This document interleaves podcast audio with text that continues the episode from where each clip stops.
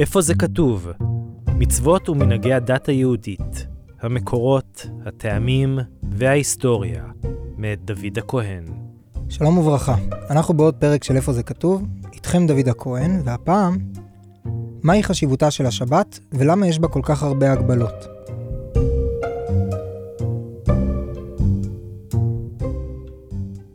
אנחנו רואים כמה יהודים מאמינים מחשיבים את השבת ומקפידים עליה, גם במחיר של הפסדים רבים.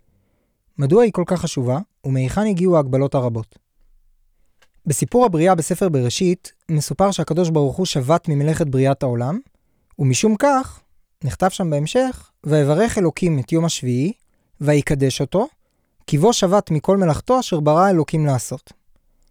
כלומר, בגלל שיום השביעי היה יום מנוחה של הקדוש ברוך הוא אחרי שישה ימי בריאה, הוא קידש את אותו היום ובירך אותו. בפסוקים האלו לא כתוב מהי אותה קדושה ומהי הברכה ששבת התברכה בה. הציווי עצמו על שמירת השבת מופיע בחומש שמות ובחומש דברים עם הבדלים קטנים בניסוחים. בחומש שמות נאמר, זכור את יום השבת לקדשו, ששת ימים תעבוד ועשית כל מלאכתך, ויום השביעי שבת להשם אלוקיך. לא תעשה כל מלאכה, אתה ובנך ובתך, עבדך ואמתך ובהמתך וגרך אשר בשעריך. זאת אומרת, התורה בעצם מצווה אותנו לזכור את השבת ולקדש אותה, זכור את יום השבת לקדשו, ואיך עושים זאת? על ידי כך ששובתים ממלאכה שעוסקים בה כל השבוע. ויום השביעי, שבת להשם אלוקיך, לא תעשה כל מלאכה. ואז התורה מסבירה את הסיבה לזכירה הזאת. ככה נכתב בה. כי ששת ימים עשה השם את השמיים ואת הארץ, את הים ואת כל אשר בם, וינח ביום השביעי.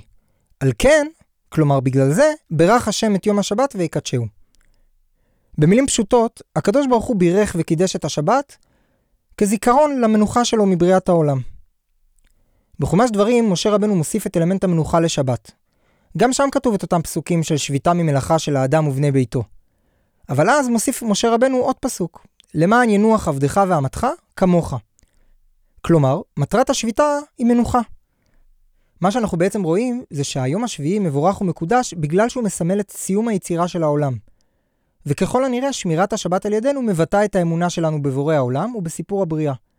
ולכן היא מצווה כל כך חשובה. זה לגבי חשיבות השבת והמקור שלה. אבל מאיפה הגיעו כל ההגבלות הרבות?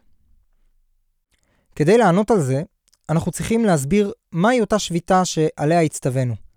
האם השביתה היא שביתה ממלאכה, כלומר מיצירה, שזה זיכרון להפסקת היצירה ביום השביעי, או שזו פשוט מנוחה.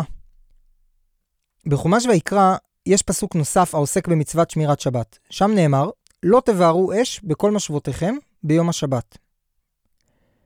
האם העברת האש דורשת מאמץ, ולכן זו לא מנוחה, או שזו יצירה, ואסור ליצור בשבת? חז"ל למדו מהפסוקים שהשבת דורשת את שני הדברים, מנוחה והפסקת היצירה. מנוחה משמעותה פשוט לא לטרוח, לא לעבוד, לא להתאמץ.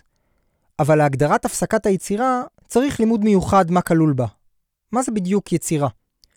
חז"ל דרשו מהסמיכות של הפסוקים של איסור הבערת האש בשבת לפסוקים של בניית מלאכת המשכן, שהמלאכות הנעשות בעת יצירת המשכן הם המדד למה מוגדרת יצירה. כמו למשל תפירה שהייתה ביצירת המשכן, של היריות, או למשל בישול, שמגיע מהכנת הצבעים לצבוע את היריות.